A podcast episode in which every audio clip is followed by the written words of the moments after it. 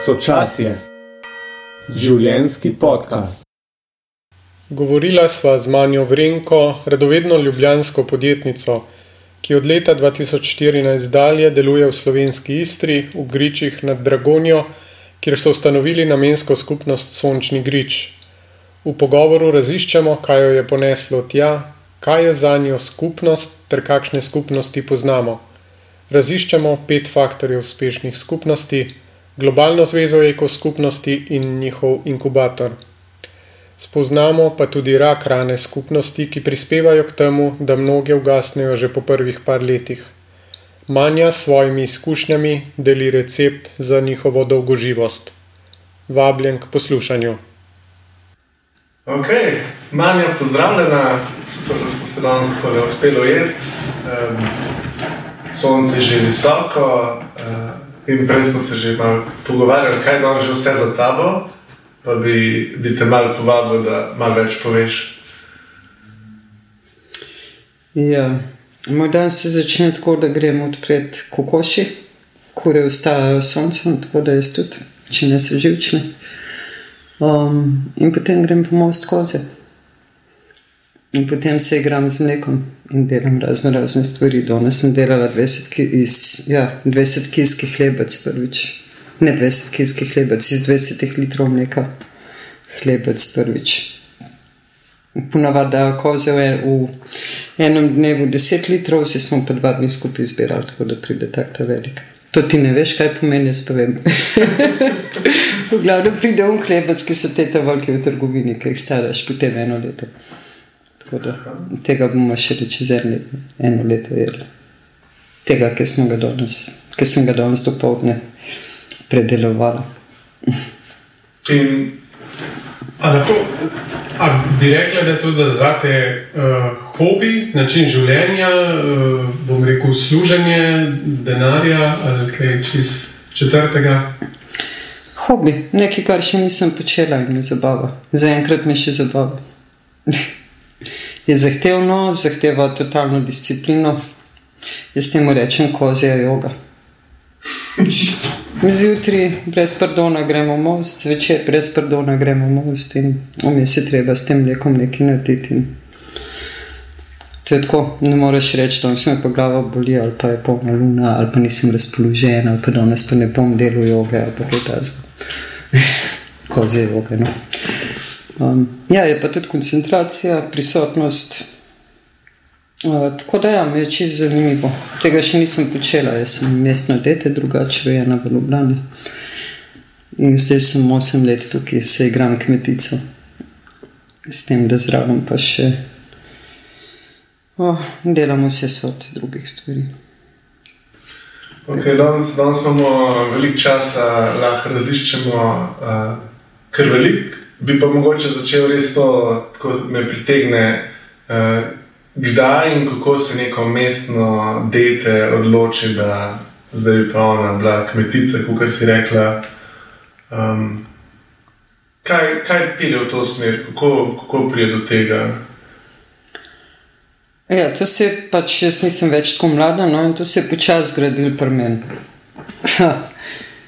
Sploh ne vem, kje naj začnem. Lahko pa povem, da sem bila še čist mlada, sem že tlele po Istri skakala gor po hrvaški strani, pa tle gor nad Celinami, nad Piranom, tam se eni hipi konje držali, pa sem eno poletje pri njih preživela. To so te krogi, ali kako? Ja, ja, na krogu. Um, tako da mi je bilo že takrat to v redu. No?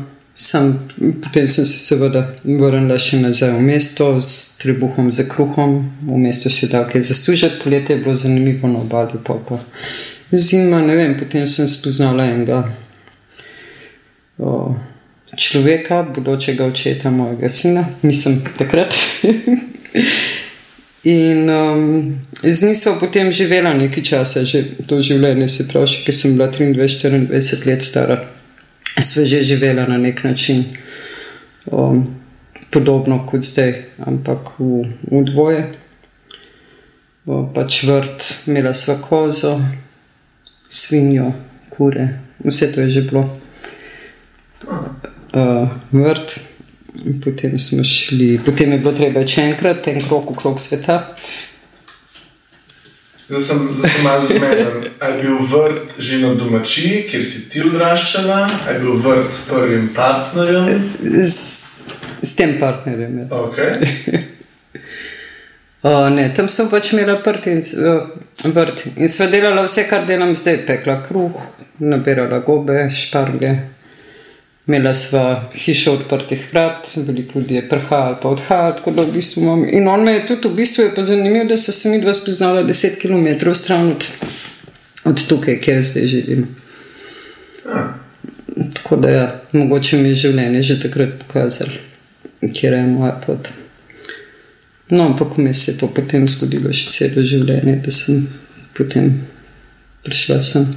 No, ampak ja, ker sem živela v mestu, sem vedno težila pač tako kot večina meščanov, za vikend odhajaš v naravo, v hribe, na morje.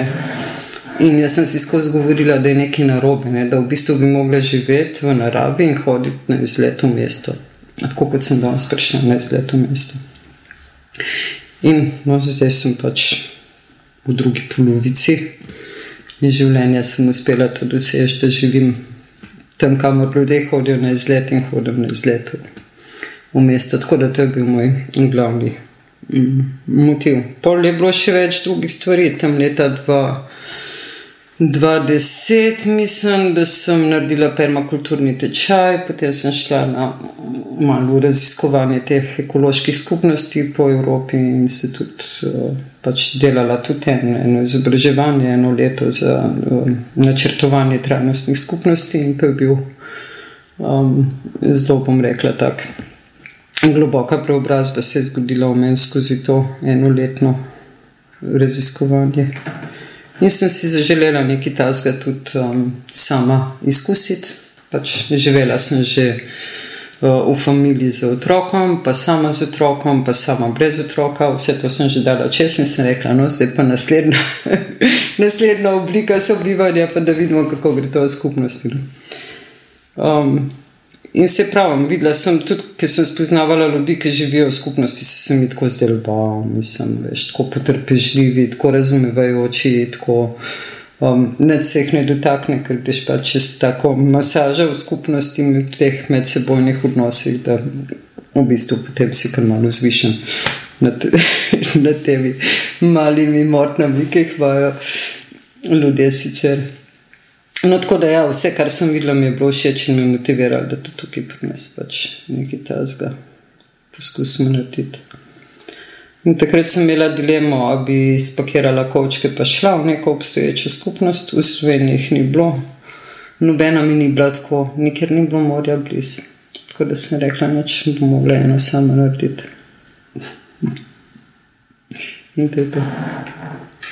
Mogoče tako čisto malo za razlago za poslušalce, ki morda ne poznajo celotnega tvojega ozadja. Ko si prej rekla, delam na kmetiji ali pa upravljam, se ukvarjam z nekimi kmečkimi deli, je to verjetno v neki drugačni obliki, kot si, bom rekel, poprečen človek predstavlja, kaj pravzaprav to pomeni. In potem si omenila še to divansko razsežnost skupnosti. Ali lahko mogoče čistko v nekaj stavkih razložiš, v čem je recimo taka vrsta sobivanja v skupnosti, ki pa je povezana z naravo, drugačno od, bom rekel, uh, neke eh, predstave, ki jo imamo o delu kmeta na kmetiji, ki pač eh, se ukvarja z obdelovanjem zemlje in mogoče gojenjem živali. No, mi smo šli v ta projekt z idejo samooskrbe. ne, Ta beseda samooskrba je zdaj zelo tako, taka popularna. Že takrat je bila pač v permakulturnih krogih, tam odkud sem jaz motivacijo črpala in tako je veliko. Se govori o tem, kako je pa lepo imeti svoj vrt, pa si pridelati svojo zelenjavo in kako je to nekaj čudovitega. In potem smo gledali na Facebook eh, video, YouTube videe in čitali razno razne mm, pravljice za otroke. In smo rekli, no, to je pa tako simpel, da imamo mi to početi, no, ampak ni tako, je treba kar kaj izdelati. In da bi bil samo oskrben, mi, mi smo dosegli, po mojem, enih 80 tudi stotno samo oskrbo z svežo zelenjavo skozi celo leto, pa, mm, pa z mlečnimi izdelki. O. Tako da. Ampak je to kar velik dela. No? In ideja je ta, da v bistvu zdaj, recimo, ker ta naša skupnost se skozi malo spremenja, ljudje prihajajo, pa odhajajo, pa pač eksperimentirajo s tem življenjem, pa potem grejo drugam. Um, tako da imamo malo predimenzionirano zdaj situacijo. No? Tako da zdaj za tole vzdrževati, kar, kar je, nas je premalo. Z vidika povpraševanja ali ponudbe? Ne, mi smo sami svoji konzumerji. Se ni um, za obdelati, za pokositi, za poplet, za posaditi, za zaliti. Se pravi, z vidika potrebno, ki jih morate zadovoljiti oziroma poskrbeti. Z vidika količine dela, količine dela bi bilo potrebno še ene par parov rok. Ne? In to je zdaj ideja skupnosti. Če želiš biti samo oskrben in si sam, lahko od jutra večera garaš za samo oskrbo. Če pa šest ljudi, recimo, pa šest ljudi dela, potem je pa to lahko prijetna zabava in hobi. Ker se mi prej vprašajo, je to hobi ali ne. ne. Uh -huh, uh -huh. Tako da je odvisno. Tako da v tem je smisel, da se ljudje povežejo. Ne. Koliko ljudi imate trenutno? Trenutno nas je pet. Pet. Predstavljam si, da če je pet ljudi na kupu, da verjetno je tudi pet različnih predstav, kako ne bi stvari tekle. Ok, verjetno neka skupna ideja že je, to, da bi skupaj pridelovali eh, zelenjavo in hrano, ampak kako usklajevati teh pet različnih mnen, kako vi k temu pristopate? No, treba je imeti. Um, mi imamo osnovne uh, dogovore, ene par osnovnih dogovorov je in teh se treba držati. Ne puščamo osebnih stvari v skupnih prostorih. Po vsakem obroku se kuhna popolnoma počisti, skrbi se za osnovni red. V... To, to so stvari, ki so bistvene, da se lahko vsi dobro počutimo. No. Um, to in vsak prispeva, pač, kar lahko na tistem področju, uh, ker lahko in to je to več ali manj. Imamo še dogovor, da v ponedeljkih vsi skupaj počistimo hišo od vrha do tal. To se pravi, da ni vedno nekdo, ena Fatima tam, ki to dela, ampak smo vedno vsi. Ker če vsi sodelujemo v čiščenju, tudi vsi skrbimo za to, da zadeve niso preveč zanemarjene. No? Um, tako da, ja, to so osnovni dogovori. Pa so dogovori, kdaj kuhamo, kuhamo skupaj, to smo se zmenili. Uh, to se mi zdi, da je kar velik izziv za ljudi, ki pridejo. Ne? Ker ti sam živiš, tudi jaz sem sama živela deset let. Um, in imaš še enkrat penih svojih malih navadic in navad in tako naprej. In potem to preneseš kaj v skupnost, ampak v bistvu nekako nimajo več tega ta pravga mm, pomena, ali kako bi rekla. No? Mm. Ampak je to v bistvu najtežji del, se mi zdi, res te male ritualčke, ki jih imaš doma. Spustiti. Ne, da bi jih mogel, no, ampak nekako niso več tako, nimajo več takšnega učinka, kot so ga imeli v prejšnjem okolju. Um, ja, no, to so osnovni dogovori. Potem enkrat na teden imamo sestanek, ki se vsi skupaj usedemo, pa skupaj smo za obroke, za kosilo, pa za večerjo.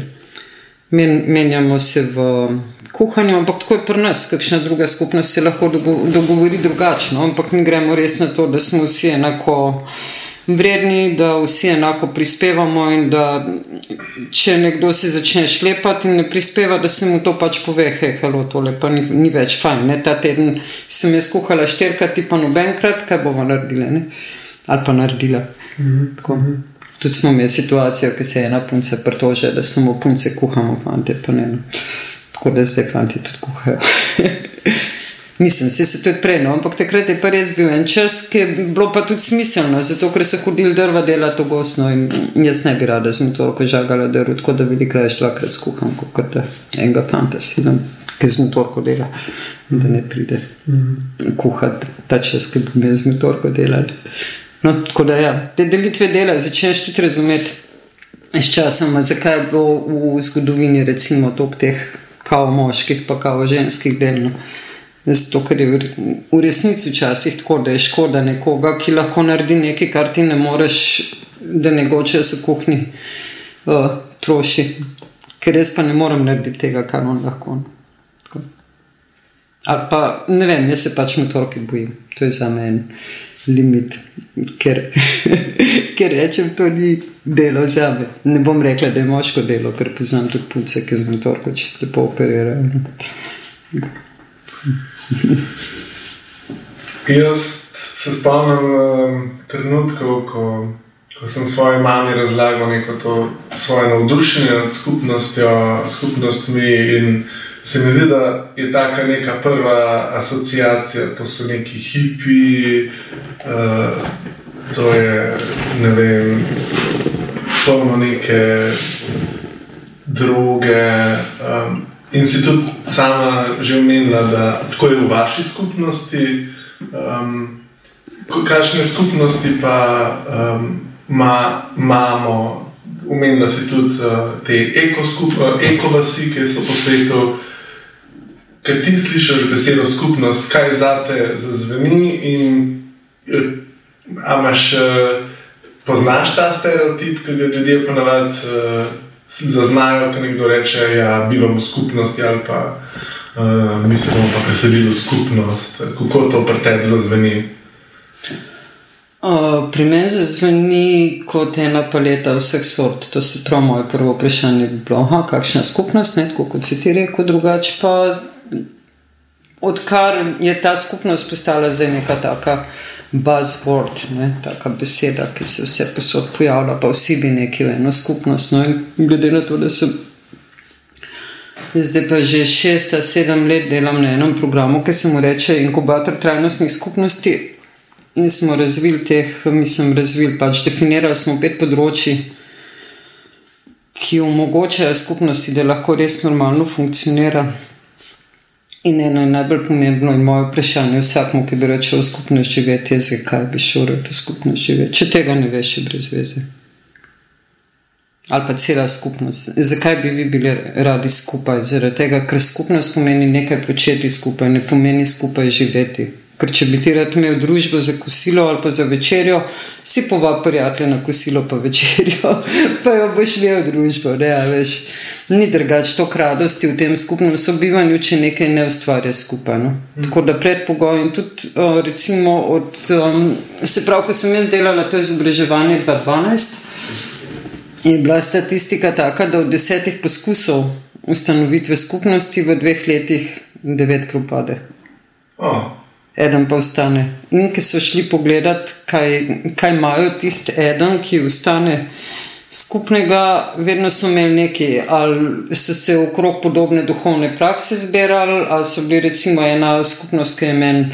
Res tako idealno, pa jih tudi poznam, so tako še enih deset let starejši od mene, ampak so že 40 let skupaj, se pravi, mladi ljudje so bili študenti psihologije, vsi so Jungovi, um, te psihologi, uh mhm. -huh. tudi psihoterapeuti in tako naprej, in te so mi dobesti. Ampak oni so imeli to skupaj. Ne, v Španiji so, Los Portales se imenujejo. Te so mi tako res vzor, kako so se lepo um, ujeli in kakšni lepi ljudje so to, veš, tako da se prav v njihovi družbi tako počutiš, oh, da bi bil svet takšen, veš, to, kaj ga širokega razumevanja in to. Um, ja, ker skupnost, ko slišim kot en antipol um, nečemu, kar, kar se mi zdi, da doskrat uh, ljudje krepenijo po.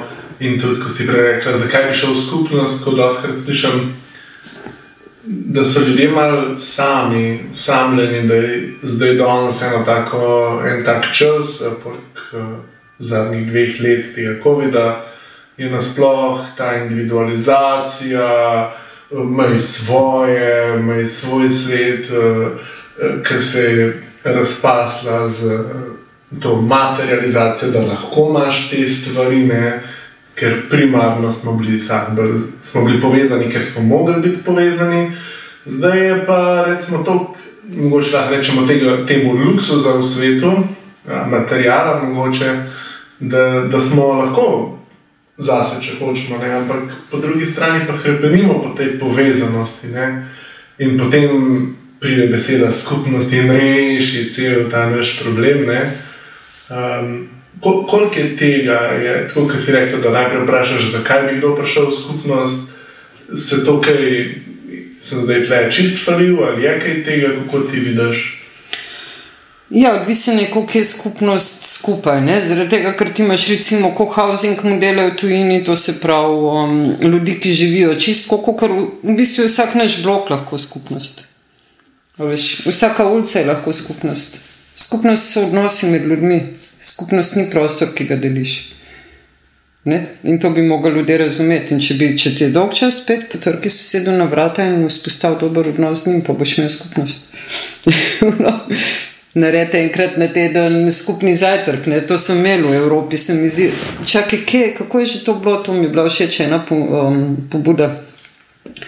Zajtrk sosedi, no? tako da so v bistvu po celi Evropi po, um, spodbujali ljudi, da organizirajo, da pa če vsak neki prenese, da se naredi neka skupna miza, enkrat spomladi, ni državno, in da se pač cela ulica tam zbere in malo poklepeta. Ali tako nekako na ta način. A veš, to so bile v bistvu stare prakse. Jaz vem, ker sem bila jaz otrok, jaz sem v bloku gor odraščala. Mi smo bili v samolarija, iz vseh blokov okrog, ki so bili, smo bili na dvorišču cel dan po šoli. Pol bi zvečer so nas poklicali tam z balkonov, pač ime pa večerja. to je bila normalna stvar, zdaj pa tega ni več. Ne? A veš. In pa tudi starši poznali, otroci smo drug drugega obiskovali, starši so se med sabo na ta način povezali. Pa se mi zdi, da je ta skupnost veliko bolj funkcionirala, tudi v mestih. Pa to ni tako dolgo nazaj, to je 50 let nazaj. Za tebe je to mogoče dolgo nazaj. Ja, jaz sem po mojem na tem prehodu. Um, ko je ta tehnologija že bila kraj, kjer smo se lahko srečali s prijatelji. Uh, pa kot mlad se spomnim kakšnih teh videoiger, ki smo, smo skupaj igrali. Um, zdaj pa mislim, da smo kar nekaj korakov naprej s tem, ko imamo vsak svoj računalnik v žepu, ko je v bistvu prostor druženja, um, ta druga dimenzija, digitalna dimenzija, ki um, pač konkurira fizičnemu svetu. Uh, in fizičen svet pa omogoča prepletenost še na ta drug način, ja, da so se starši poznali, da so se čez fizično, lokalno odnosi spletli. Um, in ne vem, koliko je pol ta, se mogoče se že ponavlja, skupnost res tako en en obupan poizkus, eh, da bomo rešili ta problem. Medtem ko je zelo bolj konkretno, je tukaj sosed, oziroma kaj že ta izraz komšija. Uh, to so ti sosedi, ki lahko, s katerimi imaš dober odnos in lahko rečeš za jajce, za mleko. So, se mi zdi, ena taka smernica zelo. Mislim, imaš trgovino, ne pa greš kaj, ne greš sosedu več po jajce, mleko in so. Razen če na vas je živiš, koliko krmi. Uh, ki je trgovina 10 km stran. Hmm. V mestu pa nekako.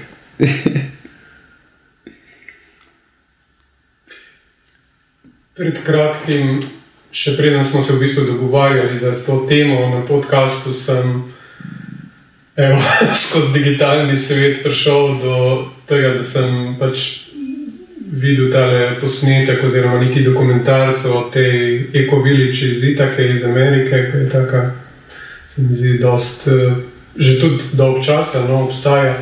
In me je tako v bistvu kar dosti pretegnilo. Uh, in pač način sobivanja, način deljenja nekih upravil, in hkrati tudi to način participacije, torej, da lahko vsak tudi sam izbira, ne, kako in na kakšen način bo prispeval, v smislu, lahko mogoče bolj finančno, nekdo, ki si lahko prvošči, recimo, pa pač ima neke druge koristi, potem nekdo pa lahko pač z delom ali pa s pač čisto aktivno participacijo. In, uh, tako me zanima, kako vidiš ti tudi skozi svoj razvoj, pa skozi pač spremljanje, ker si domača v tem svetu, uh, to področje v Sloveniji.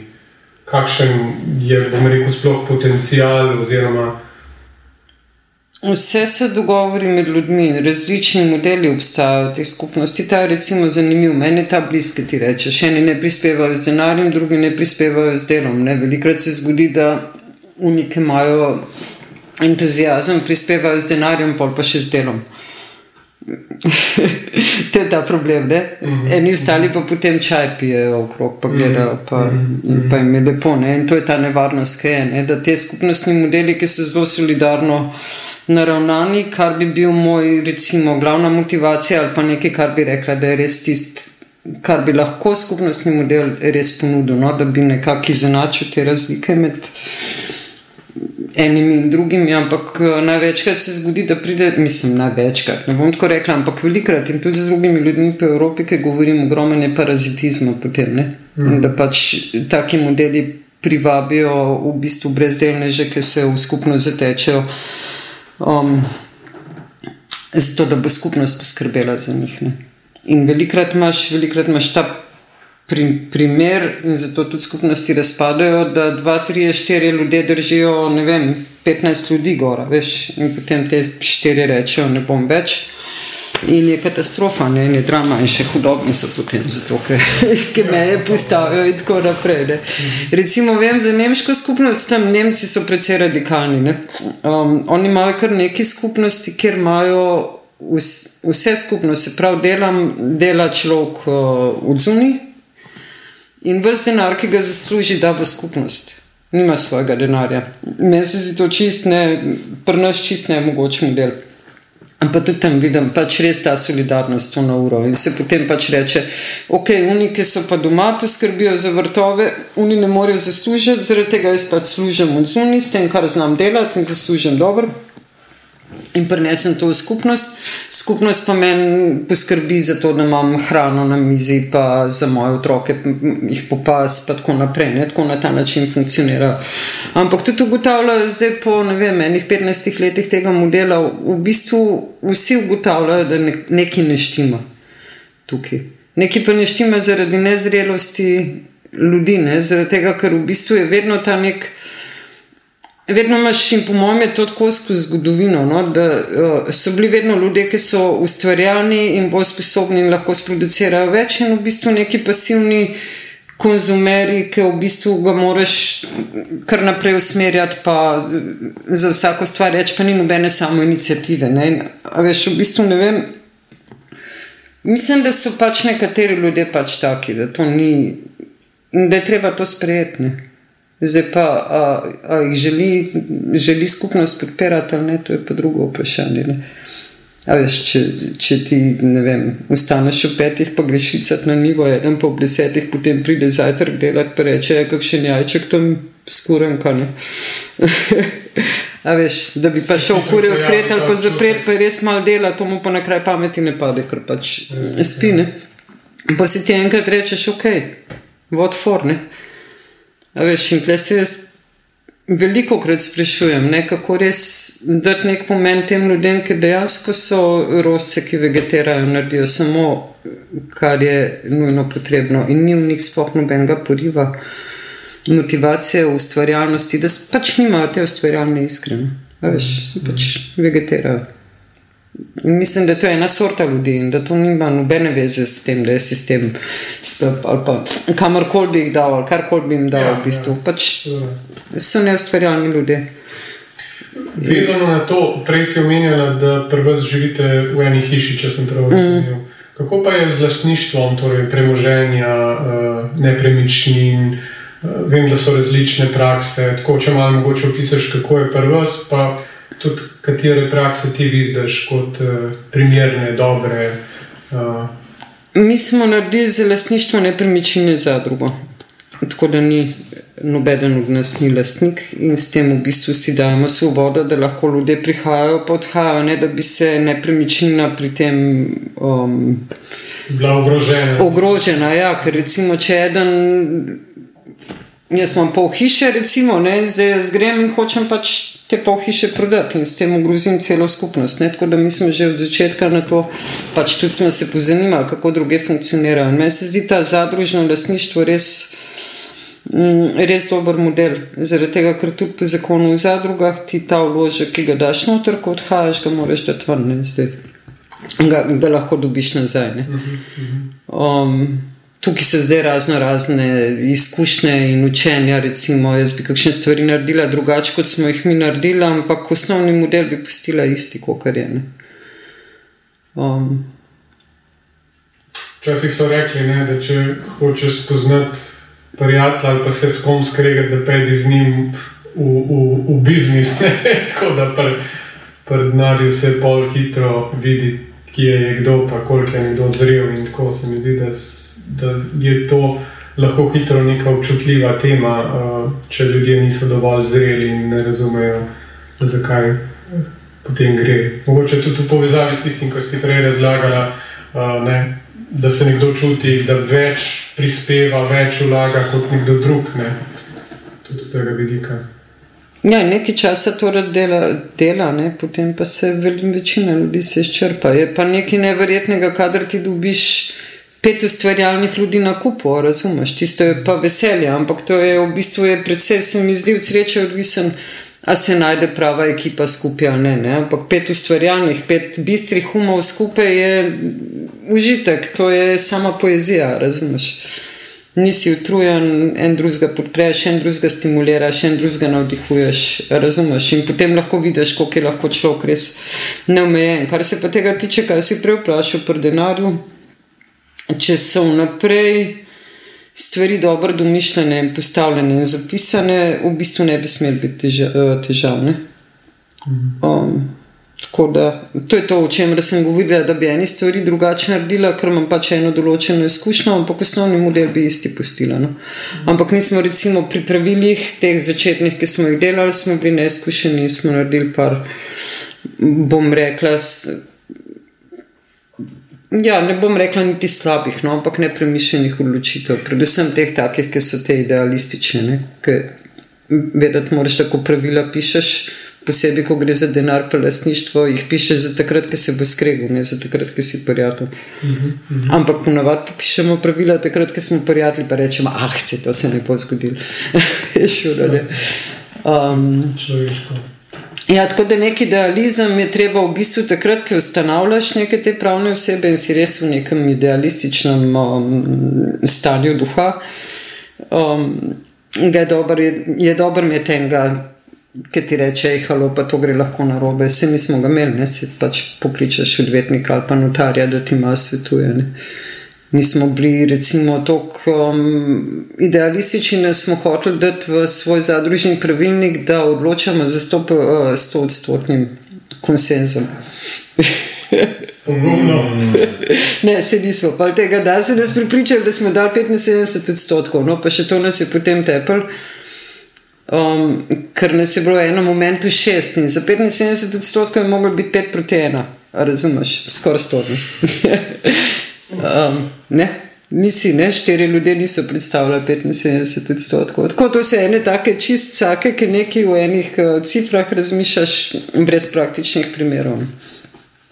Zdaj bi, zdaj bi lahko to stvar drugače naredili. Ker, um, kaj pa stoji za temi visokimi več, večinami pri odločanju, da um, kadar ti daš samo večinsko odločanje, ponovadi manjšina, se pravi tisti, ki so imeli manj glasov, izvisijo. Ne? Se pravi, tako bomo delali, kot misli večina, vi pa te, ki turljivi. Ampak v eni razviti družbi ali pa skupnosti ali pa neki tasga, pa v bistvu poslušaš tudi tiste, ki, ki mislijo drugače in iščeš rešitve, ki integrirajo potrebe obeh strani. Ne? Zaradi tega morajo biti. Zato se iščejo odločitve, ki jih podpira velika večina ljudi. To ne pomeni, da moramo vsi isto misliti, ampak toliko časa iščeš nek dogovor, v tem je trik. Toliko časa iščeš dogovor, da lahko z njim vsi živijo. Ne da, ne da nekoga čist povoziš, če razumeš, kaj mislim. Razumem. Ja. To, to se mi zdi pomembno, no? zaradi tega, ker velikrat. Tudi, ko pravila pišeš, ne? seveda, pravila morajo biti življenska, ampak mi nismo prišli tukaj v neke popravne domove ali pa včasih se hecamo pa rečemo ekoprizem. Prideš v nek eko zapor, kjer imaš pa predpisano, kaj lahko ješ, um, vem, vsi skupaj ustajamo, vsi skupaj meditiramo, ne vem, pojemo. Ne, ne vem, pač to ni poanta, ne? ti še vedno moraš svoj individualni. Um, Svet razvijati. Svet razvijati to, kar si ti prej govoril, o tem, da gremo v individualizem, ker je lahko vse po mojem, idem tam, kde je vse po, po mojem. Je vna ena lepa pesem, Hrvaška, poznaš. Ja, ja, ja. Mm. Um, in seveda, vsak mora imeti svojo, tudi to se mi zdi nujno. Tudi če živiš tako, kot mi v eni skupnosti, kjer delimo dejansko kuhno in kopalnico, da moraš imeti svojo sobo, kjer imaš lahko kar hočeš. Razumeš? Lahko imaš, lahko je cel let ne pospraviš. Ampak tisto, kar je pa skupno, tam pa morajo neke harmonije vladati. No, važno je, da ima pa vsak človek svoj prostor. To je nujno. Mi, da smo recimo z partnerjem bila. Uh, dolg časa smo imeli samo eno sobo, oba dva skupaj. ne. In Potem, kljub temu, da se dobro razumeva, sem jaz rekla, da ne, da jaz rabim pač en plec, kamor grem lahko delati, ali pa nekaj, kjer sem lahko pač uno, da vrata zaprem. In, to je moj, moj prostor, tako da ja, zdaj imam teh pet kvadratnih metrov in je čist drug svet rata. Pa si nis, nisva se kregali ali pa kaj, ampak včasih preprosto se ti na, se nasiti. Um, te mot, tudi če je tih te mot, če govorite, pa tudi mota, veš. Tako da je najbolj, da greš v. tako da je najbolj, da greš v drug prostor, pa se pa ne motiš, veš. Ne znam tega pojasniti, ampak pač tako, tako funkcioniramo. No? Tako da treba res vsakmu človeku pustiti tisto neko luknjo, jamo, kjer se lahko regenerira. Jaz tudi zelo tako vidim, da na tak način uh, skupnost lahko podpre. Um, moje življenje je bilo tako, da je bilo veliko tega možnosti, da sem šel v svojo sobo in se mi zdi, da če bi mi bilo to oduzeto, um, da mi ne bi bilo tako dobro. Uh, hkrati pa se mi zdi, da je pa ravno to, da, da so neki rituali, um, ki so dobri za vsako skupnost, za družino, če je skupaj za eno mizo, hkrati kosilo je to ena, ena zelo dobra stvar. Uh, Tle zadnji je mnogo študij, ki to potrjuje, to niso, niso samo besede. In ta povezanost se res zgodi s temi rituali, zdaj je to eko uh, zapor, kjer moš pa nujno ob 7 in 15 delati jogo z nami. Um, se strinjam, da ni nujno, da je to bistveno, hkrati pa zelo, zelo čutim, da je fajn spodbujati te stvari, uh, to povezanost. In mislim, da mnogi v naši slovenski državi grejo čez eno to izkustvo skupnosti, pa naj si bo to diaški študentski dom ali pa cimerstvo tekom študijskih dni, um, ki mu rečemo ta co-living model, ne, svoja soba pa deljena kuhna, potem si tudi omenila co-housing, ki se mi zdi, da um, je v bistvu svoja stanovanska enota, pa skupnost uh, na, na drugem nivoju. In po mojem, je tudi eno tako vabilo, da kdorkoli si želi biti v skupnosti, uh, co-housing lahko začne danes, lahko povabi soseda, lahko se poveže. Um, mogoče pa tisto, kar, kar pa bi uh, čisto malo tako praktično, če koga res malo več zanima, uh, ali pa ne, tudi če nekdo razmišlja, kam, kam bi se obrnil. Um, imamo spomin, da, da obstaja ta klips. To je, če sem si prav razumel. Skupnostni inkubator. Skupnostni inkubator. Kaj, kaj je to, kaj sploh to pomeni? Mogoče več o tem.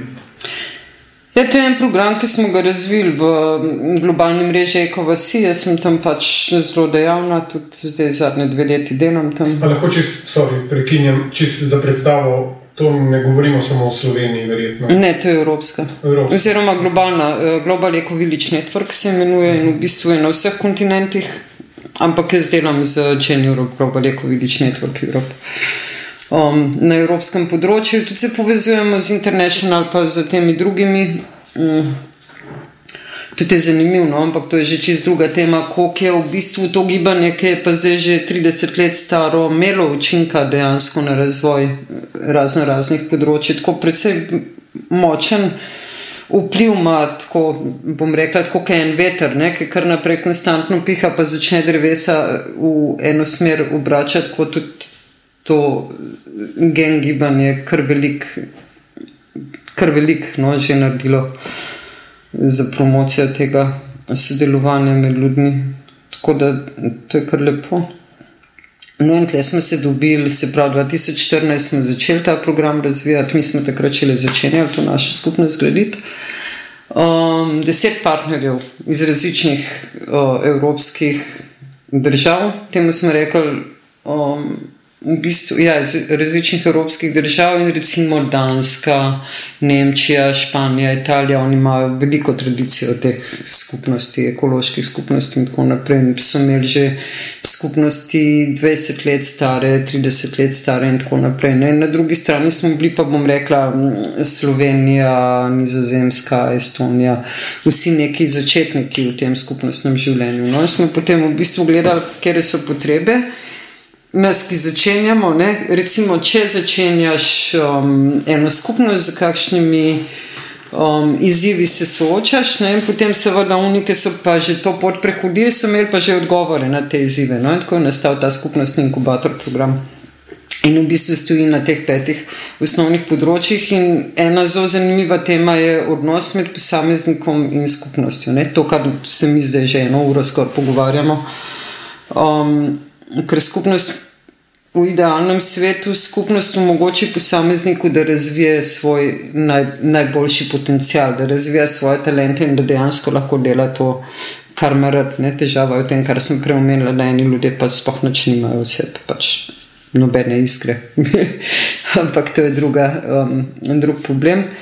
Um, seveda, mora pa tudi posameznik nekaj za skupnost dati. Ne? Zdaj to ravnoteže skozi loviti, kdaj se ti za skupnost žrtvuješ, oziroma ni poanta, da se žrtvuješ za skupnost, pa sebe pozabiš. Pa tudi ni poanta, da pa zdaj svoj, svojo uveljavljaš na, na vsak, um, za vsako ceno na račun skupnosti, ali pa da si nek parazit ali kar koli. No, tako da to sta v bistvu v centru tega našega modela, klipsa sta ta posameznik in, in skupnost. Ne? Ker uh, zdravo skupnost um, tvorijo zdravi posamezniki. In tudi, recimo, velikrat se nam zgodi, da nam, ki je pri nas tako lepo, pa smo v naravi, pa je mir, pa tišina, da nam prihajajo ljudje, ki mislijo, da bi lahko mi pomagali kakšnemu njihovemu sorodniku ali pa znancu ali pa prijatelju, ki ima recimo psihološke motnje ali pa težave z alkoholom ali pa tako naprej. No, in smo tudi parkrat poskusili uh, podpreti. Take osebe, in v bistvu ti lahko ena, ena oseba, ki je labilna, recimo, ne vem, bipolarna motnja ali pa nekdo z psihozo ali pa nekaj tasga. Lahko celo skupnost sesuje. In sem govorila z drugimi ljudmi, potem, kako je, ker smo se malo slabo počutili, ker smo dejansko potem mogli v enem momentu tem ljudem reči, da ne grejo, ker nismo mogli tega držati. In mi je ena uh, psihiatrinja, ki v eni skupnosti živi, rekla, da oni imajo, ampak tam je več skupnosti. No? Da mora biti 20 zdravih oseb, da lahko eno,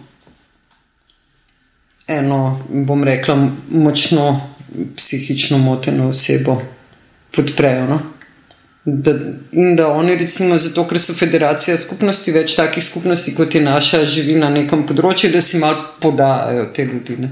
14 dni je pri meni, potem je pa 14 dni te, pa tako naprej. Tako da, tako da jih lahko na ta način handlajo. Ampak drugače, ja, je rekla, da, da lahko dejansko ena oseba, mi smo imeli tudi enega, enega mladeniča, traumatiziranega siroto pač res ima tragično zgodbo in smo ga probali podpreti tam pri nas, ne? ampak na koncu smo ga mogli pač poslati stran, pri najboljši volji. Ne moreš uh, nekaj narediti. Ne vem, zakaj sem začela o tem govoriti, pravzaprav nekaj drugega je bilo, ampak me je pa v to odpeljalo. Ja, mogoče če bi lahko še, še ostala področja tega inkubatorja. Uh mhm, -huh, inkubator, ja, točno ta le skupnost ja. posameznik, no ja, in zdravi posamezniki, hvala. Uh, potem je to, kar sem že prej omenila, zelo pomembno je, da vemo, kaj delamo skupaj. Ne? Pa če zakaj smo mi skupaj? A smo skupaj zaradi tega, ker razvijamo duhovno prakso, ali smo neka skupnost slikarjev, pa hodimo skupaj slikati, ali, smo, ali bi radi skupaj vzgajali otroke. Čist v redu, čist legitimen razlog je tudi zato, ker lahko skupaj kupimo večjo in dražjo nepremičnino in dobimo več zemlje, ker si vsak sam zase ne bi mogel tega prvoščiti. Ampak mi moramo vsi vedeti, zakaj smo skupaj. Mm. Se pravi, ta intention, mi temu rečemo, namen. Ne? Kaj je naš namen biti skupaj, ker samo živeti skupaj ni zadostno, res, mm. garantirano si začneš iti na živce, slejko prej. Se veš, še v partnerstvu, ki ste dva, si začneš iti na živce, če nekaj ne počneš skupaj. Tudi ni zadost, samo dobro. Nekaj let lahko samo spiš skupaj, pa ješ, ne, ampak potem je treba pa še kaj dodati. No, in tako je tudi uh, v skupnosti s tem, da je pač tam večja količina ljudi. Se pravi, ta namen je res neko bistvo. In potem je struktura. Ne? Struktura je pa tudi to, o čemer sem prej govorila. Mora biti zadošč čvrsta, da, da drži neko smer, da vemo, kaj počnemo skupaj, da vemo, kje so naše dolžnosti in kje so naše pravice kakšni so um, finančni odnosi, na kak način lahko prispevamo ali pa ne prispevamo, te stvari morajo biti in temu rečemo struktura, ampak mora biti dovolj ohlapna, da se ne počutiš ujedga noter. Ne? Da, da ni zdaj pa to, kot sem prej rekla, zaporne. A veš, da je pa že toliko pravil, da se počutiš, da si v vojski, tega pa res noben Ja, noče. ne. Ja. Tako da struktura je ta četrti stebr, ne? se pravi, posameznik, skupnost, namen, struktura, ki v bistvu podpira ta namen. Ne? Struktura mora biti tudi prilagojena temu, kaj bomo mi skupaj delali. No, in potem pa peti, najbolj pomemben je pa praksa, ne? ker ti imaš lahko to super pravilnike narejene, super dogovore in tako naprej. Če se tega ne držiš, brez veze. no, tako da to je teh pet področji. No, in v bistvu ta um, skupnostni inkubator pa um, razvij so v teh ekovaseh, sicer so to znane tehnike, tudi druge. Ampak recimo način pogovarjanja, globoko poslušanje, veš, velike načel, ne nasilne komunikacije, ampak še malo več od tega. Recimo, veš, tudi biti. Um, Mi, ki smo sami, jaz, ki sem sama živela, jaz sem že mislila, da sem razsvetljena in da se mi nič več ne more, mislim, ne razsvetljena, ampak tako, da se mi nič več ne more iz te razprave. Seveda, zato ker kader mi kaj ni pasal, sem šla domov, sem se zaprla v svojo hišo in.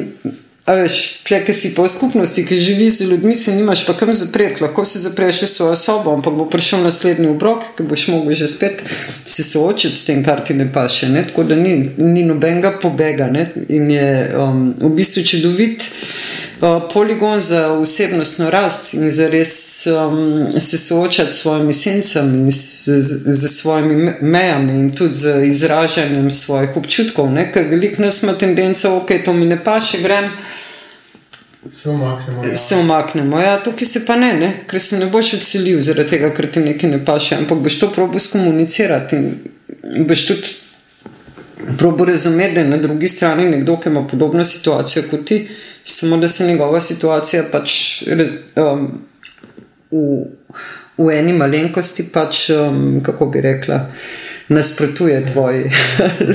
ne, ali pa tvoja potreba je nekako v uh, konfliktu z mojo potrebo ali pa nekaj tasga. Ne? In tukaj potem pride do te lepote, ki lahko iz mojega prav, pa tvojega prav, nimam niti jaz prav, niti ti prav, ampak najdemo en tretji prav ne? in je v bistvu s tem lahko. Za oba sprejemljiv. Ne samo, da je za oba sprejemljiv, ker to, to bi bil kompromis, ampak je še nekaj še boljšega, kot bi sploh lahko si mislila, da, da bo. Ne? Ampak to zahteva najprej osnovno vero, da nihče ni hudoben.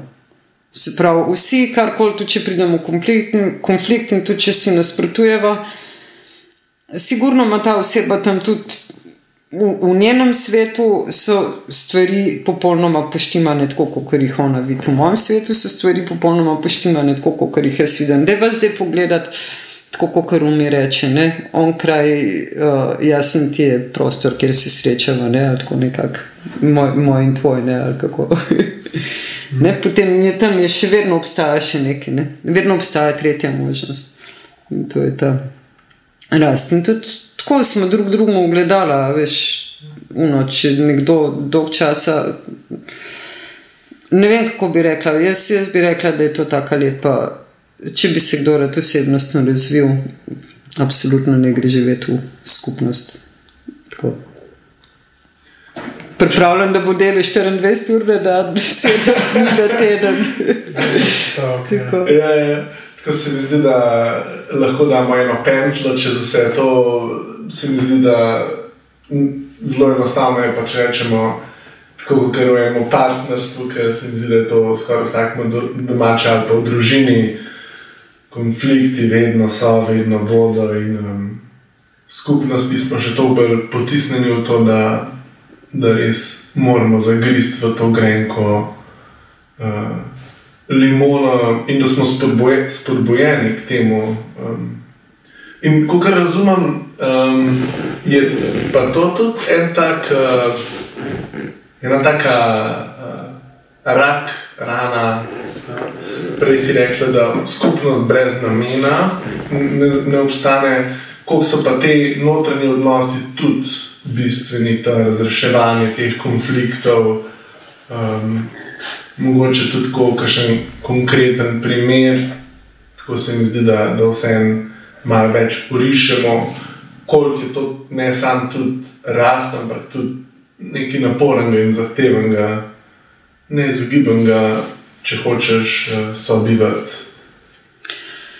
Ja, tako le, kako naj zdaj to povem, ker je precej široka tema, pa jo je težko na enostavno drti.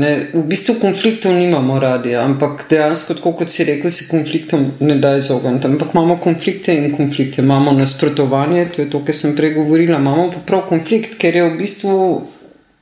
Ali jaz ali pa ti, ne? a veš, mislim, ker dejansko težko najdeš neko nadgradno ali pa karkoli. In je treba pač sprejeti, da včasih se konfliktov ne da razrešiti in da um, niso vsi ljudje za skupaj. Kljub temu, da verjamemo, da so vsi ljudje uh, dobro namerni in pozitivni in da nihče ni hudoben in tako naprej, v enem momentu lahko ugotoviš, da pa ne moremo vsi skupaj živeti. Jaz tako ljubim vse ljudi, ampak nekatere ljubim tako malo bolj daleč stran od sebe. Nekatere pa malo, nekatere pa bolj rada blizu sebe. In to je treba vedeti. Mislim, A veš, tudi, ki mi govorimo o skupnostih, v Nemčiji ima skupnosti, ki je 50-100 ljudi, tam je že težko, da se z vsemi res super pošteka. Še veš, mi govorimo o nas v skupnosti, ne vem, 8, 10, 15 ljudi, ki ne živi. Manjša, ki je skupnost, bolj je pomembno, da so ljudje med sabo kompatibilni.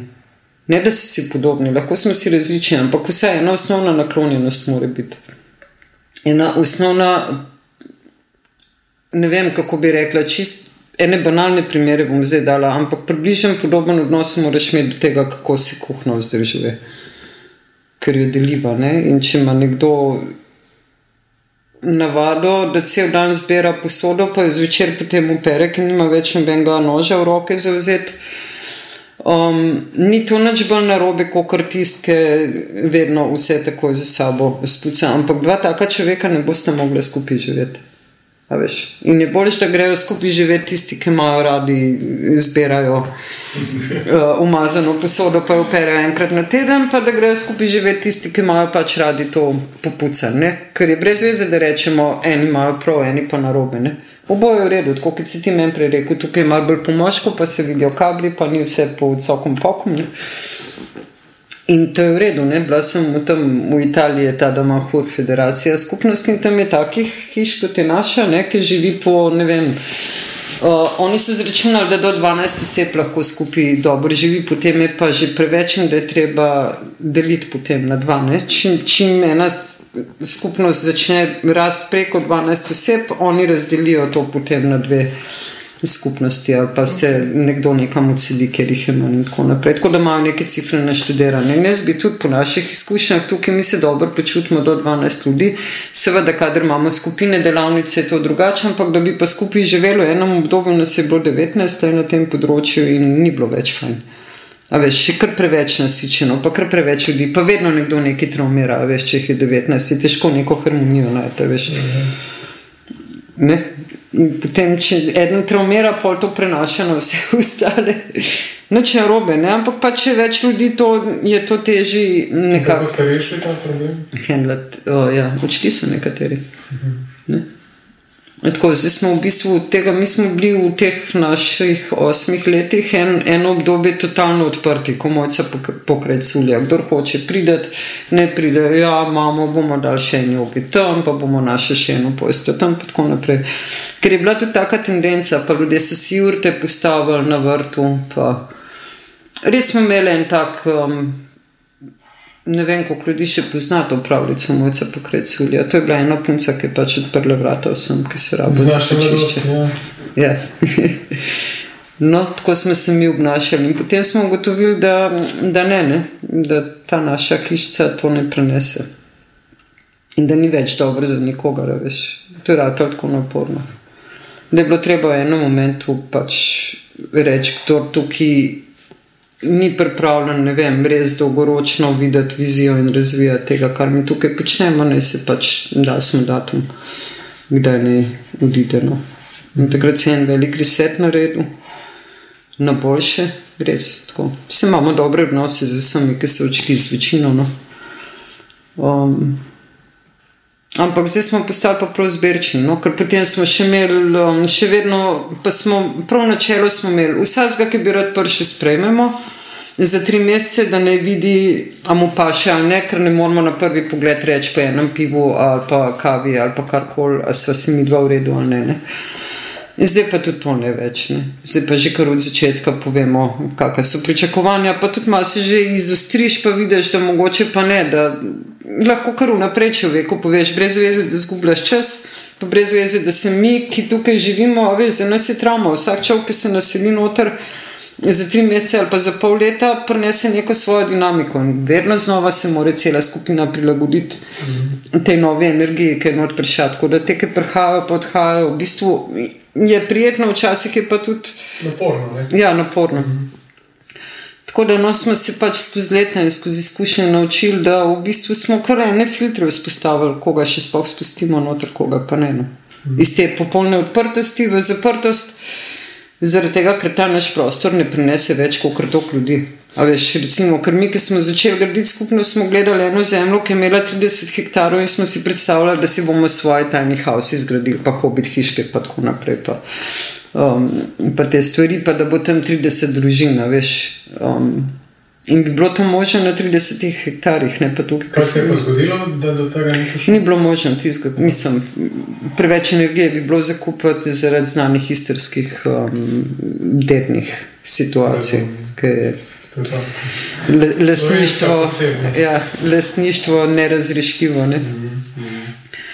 Uh, tako da je tisto potem odpadlo in se je tudi ta prvotna skupina razpadla. No? Mislim, razpadla. Seveda, ljudje so rekli, potem kar takoj na začetku, ki smo eni rekli, gremo tle, vlagati tukaj, kjer smo. Ih je večina rekla, ne, nas to ne zanima, nas je zanimivo tisti model, ker gradimo vsak svojo malo enoto, pa imamo nekaj skupnega, ne zanima nas pa to tesno sobivanje, ti pa študenti. Ne. Bi pa rada še nekaj povedala, no, kaj je še lahko motivacija, zakaj gremo skupaj. No, to je pa ta ekologija, ker mi smo tudi, a veš, biti skupaj in deliti resurse je tudi trajnostno.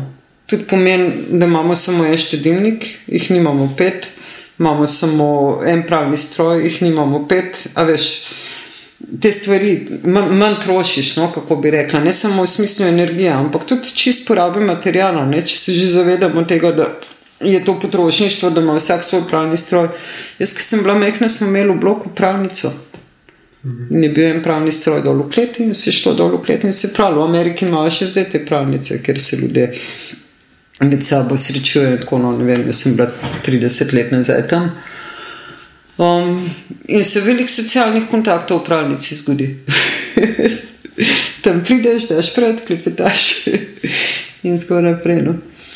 Um, ja, zdaj pa veš, če tako pogledaš, vsaka mini garsonjera 25 kvadratnih metrov ima svoj velik hladilnik, svoj pravni stroj, svoj umivalnik, svoj štedilnik, svojo pečico in že to ti zauzame polovica tvojega prostora. Veš, A ni boljši imeti 25 kvadratnih metrov sobo, kjer imaš umare, pa stvari, ki jih rabiš, pa imaš pa tam dol eno kuhno, ki, ki jo deliš pa še z nekom drugim. In so pač ti stvari, ki so v stalni uporabi.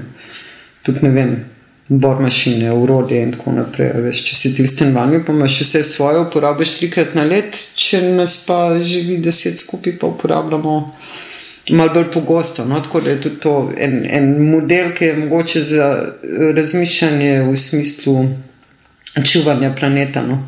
To vem, da je ljudem precej daleč, ampak če greš te v podrobnosti, je tudi to ena motivacija, ki te je smiselno, ja, dobra, ja. v smeri nekega antipotrošništva. Mogoče, mm. ne, ja. mm. Predvsem, da no, se v Ljubljani je ena skupina ljudi, ki je naredila knjižnico stvari, to se mi zdi tako super, glede za te stvari. Ne? Da ti ni treba imeti tvojo bor mašino, ne? ker jo rabiš, kolikrat jo rabiš. Ja, Trikrat na let, verjetno, no, odvisno, da delaš svoj pohištvo ali, ja. ali pa ne vem, žakce ali pa kaj. No. Uh, tako počasi, ko gremo proti koncu, uh, imamo eno tako navado, da da vse naše goste malo poprašala tudi uh, o, o tem, kaj berejo, kaj radi pogledajo. Na tak način se mi zdi, da, da damo en tak uh, pogled globlji v, v ta svet. Uh, pa tudi, seveda, se tak fajn prostor za EPP, če je kakšna stvar, uh, ki bi jo rada delila kot promocijo. Mm, tako da, če smo mogoče, eh, ne vem, kako ti sploh čas dovoljuje, si v zadnjem času kakšno dobro knjigo najdela, kaj, kar te je nagovorilo. Ja, knjige. Klej imam en problem in se tudi s drugimi ljudmi pogovarjam, da nas je ta digitalna tehnologija uh, naše možgane preplastila. Pre, tako da ogromno ljudi ima že, vključno z mano, imamo težavo brati uh, knjigo zbrano, ker smo navajeni na te razcefrane novice, ki prihajajo skozi digitalne medije in tako naprej. To smo se prav zadnjič pogovarjali, da je treba zdaj že kar energijo vložiti in si umakniti v bistvu telefon. Mhm. da lahko knjigo v miru bereš. Jaz drugače rada berem um, zgodovinske romane, pa romane nasplošno, tako take zgodbe, zato ker mi domišljija dobro dela, pa si narišem vse tiste like in tako naprej. Ker sem bila mlajša, sem lahko celo noč knjigo brala, nisem mogla uh, jo odložiti in tako naprej. Zdaj sem dobila pred kratkim eno knjigo od prijateljice iz Estonije, ki v bistvu je tebe pozanimala, um, je bolj uh, osebni razvoj, no? um, pot do čustvene neodvisnosti. To se pravi, da nismo v čustvenih nekih teh uh, odvisni, odvisniških odnosih in tako naprej. Mm. Tako da tam me zdaj čaka. Um, potem preberem veliko teh, ki prihajajo na temo um, klimatskih razmer, pa pač to, ta razvoj. Je še cela tema, ki se treba odpirati s temi klimatskimi razmerami. Ja, ja. Um, Mogoče kakšen, uh, ne vem, kako ste gor, kaj je. S temi ekrani, ste si radi prvošte, kakšen film, jane, serije, je kakšna, ki te pritegne serije, sploh ne filme, pa rada gledam. Ne. Filmi so mi pa tako prav uno, sprostitev. Če sem čist matrana, potem posebej pozimno, zdaj poletni, uh -huh. ki polet uh, padem dol, ki je konc dneva. Ampak pozim pa ja, tako uno, ki bi res rada odklopila si kakšen film, da vas za maksimal. Pa tudi cela skupina imamo tam projektor, pa si v dnevni sobi na steni, si naredimo kino. Priporočaš kakšnega specifično? Juh, razno razni so, ampak lahko enega tazga, da je ta pravljica za otroke, no. ekološka, je že kar star film Label Vert. Label Vert. Lepo zeleno, ne vem, če je preveden, mislim, da so meščino ni. Bomo poiskali, pa bomo dali v opombe, da si bo lahko šel vse. Lahko vam se vse zastonj na YouTubu za, za videti. Francoski filmček. Tega bi lahko iz področja tele skupnostne. Super, uh, še to, kar mogoče glede kakšne promocije bi želela kaj povabiti ljudi, kakšen, mogoče kakšen dogodek organizirati, ki bi bil za druge zanimiv tudi ali karkoli drugega, kar bi želela izpostaviti. Tako, ja, mi skozi kaj organiziramo. Um, tudi gostimo druge skupine, ki jih organizirajo pri nas. Imate morda kakšno spletno stran ali kakšno tudi digitalno, kjer ste uh, prisotni, ja. kjer lahko imamo. Je pa tako, da ker kopljemo veliko po zemlji, zelo malo um, energije vlagamo v to spletno promocijo. Ampak ja, smo večino dogodkov objavljamo um, na sončnih družbah kako naš Facebook, sončni grič ali društvo sončni grič, nekaj od tega. Bomo dali opis. Ja, ja veš ti pogledal. Bom, bom. Ja, veš ti pogledal, pa um, spletna stran je sončni grici minus iste, ali pa upam, da delata. Um, upam, da dela ta povezava, vem pa, da angliška dela. Okay. Sunny Hills, uh, Sunny Hills minus Istrija. Uh, EU. Okay. Prav. Je še kakšna stvar, ki se ti zdi, da je, no, verjetno še veliko stvari, ampak tako, ki bi jo rada še dodala za konec? Ja, lahko bi povedala, če koga res je pritegnilo to, kar je slišal zdaj od mene, pa tako naprej. Pa če, zan, pač, če kakšna skupina ljudi, ki, um, ki hoče iti v skupnost, jim res priporočam, da, da si dajo svetovati, preden se zaciklajo. No. Tako da ne pokličejo za ta skupnostni inkubator. To, v bistvu to, to ni nek trening, kot nek tečaj, ki ga narediš, pa znaš, ampak je v bistvu mišljen kot program, kjer nekdo, ki je že to po prehodu. Program spremljanja in tudi v bistvu so te metode, s katerimi lahko določene situacije rešiš, narediš diagnozo, ki imajo uh, določene skupine izzive in pač malo lahko predvidevaš. Jaz sem že nekaj tudi. Uh, kako bi rekla, spremljala uspešno. Tako da to je mogoče EPP, no. moja ekspertiza, ki je mogoče v Sloveniji. Ne vem, če je veliko ljudi, ki lahko to ponudijo, kot mm. jaz. Nisem skromna. Prav. Okay. Najlepša hvala, ker si prišla. Meni je bilo prav uh, super raziskovati to polje. Mislim, da smo ga dobro osvetlili. Hvala ti. Hvala vam.